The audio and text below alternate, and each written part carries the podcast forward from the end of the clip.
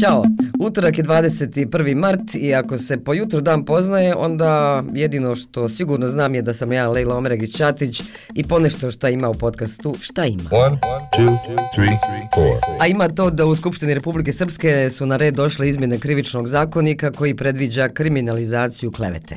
Taj zakon osporavaju novinari, nevladine organizacije, Zapad, UN i svi oni tvrde da će podsticati autocenzuru i ići korak unazad u slobodi govora.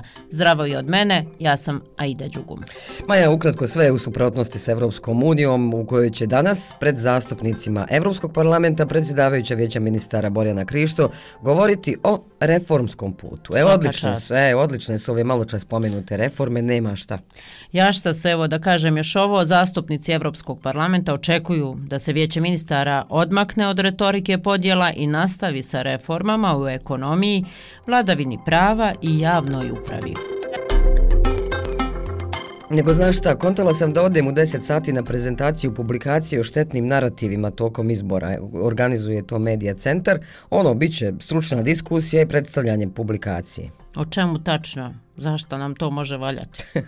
Pa može valjati da čujemo koji su to načini na koje političari manipulišu nama, a da mi pojma nemamo o tome. Pisalo je e, ovu publikaciju 13 autora, među njima je istraživačica Medija centra Nida Sokol i riječ je o smišljenim kampanjama. Bilo da su oni usmjereni protiv kandidatkinja, političkih protivnika, drugih etničkih grupa i njihovih predstavnika, državnih institucija, e, na rodnoj, etničkoj ili nekoj drugoj osnovi e, imaju za cilj neku vrstu emotivne manipulacije i mi zapravo pokazujemo kako se kroz manipulaciju emocijama određuje izborna volja. Naš cilj jeste da pokažemo koji su to izvori obrazci, obim, elementi i način širenja štetnih sadržaja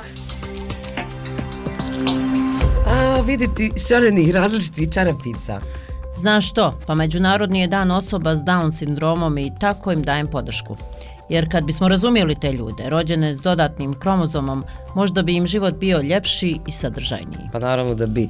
I treba da im imaju šansu u obrazovanju i zapošljavanju. I tačno na prste jedne ruke možeš izbrojati zaposlene, a postoje poslovi koji bi im odgovarali, nego stigmatizacija, jel? Odo i ja po šarene čarapice, samo da znaš. Hajde, Leptiriću Šareniću. I da znaš, sve mi nešto odmah miriše na proljeće, buđenje prirode, pa šuma kroz koju sam hodala za vikend, koliko mirisa, prelijepih pejzaža, izvora, e zbog toga mi je drago što živim u BiH. Samo zbog toga. Pa tako, Pa otprilike. nije samo zbog toga, mislim, država je bogata šumom, čak 60% od teritorije šume ima, znaš to. Nisam Ali ljudi krče, uništavaju i zbog takvih je najviše potrebno da se ukaže na zaštitu. Kako ćemo disati ako nema šume? Pa da, 21. mart, e, svjetski dan šuma. A znaš li za ovaj super podatak? Da se starost najpoznatije prašume u BiH Peručice procjenjuje na oko 20.000 godina. S dinosaurima. Tako Skoro. je, tako je. Peručica ima veoma značajnu ulogu u globalnom ciklusu ugljika. A baš sam se nešto iznenadila jer nisam znala da BiH ima 12 prašuma od Nisam koji ni su ja. tri strogi rezervati prirode. Eto sad znaš. E, s vami ova priča baš lijepo ide s danom u kojem kalendarski stiže proljeće. Jao, jeste, tačno, zaboravila sam, jesam zaboravila. Jesi, A znaš što ide s proljećem? šta? Sad sam se sjetila, svjetski dan poezije. Svaka čast. Imaš li ti utisak kao da su ljudi prestali čitati poeziju? E, ako jesu, ne znaju šta propuštaju, jer čemu poezija?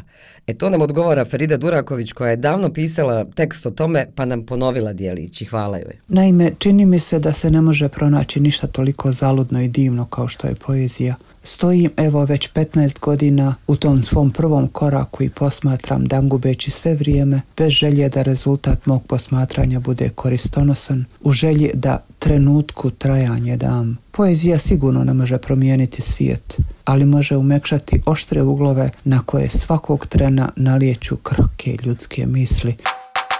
A s prvim danom proljeća svi u Zenicu na Čimburijadu. Šta ova više decenijska manifestacija znači Zeničanima?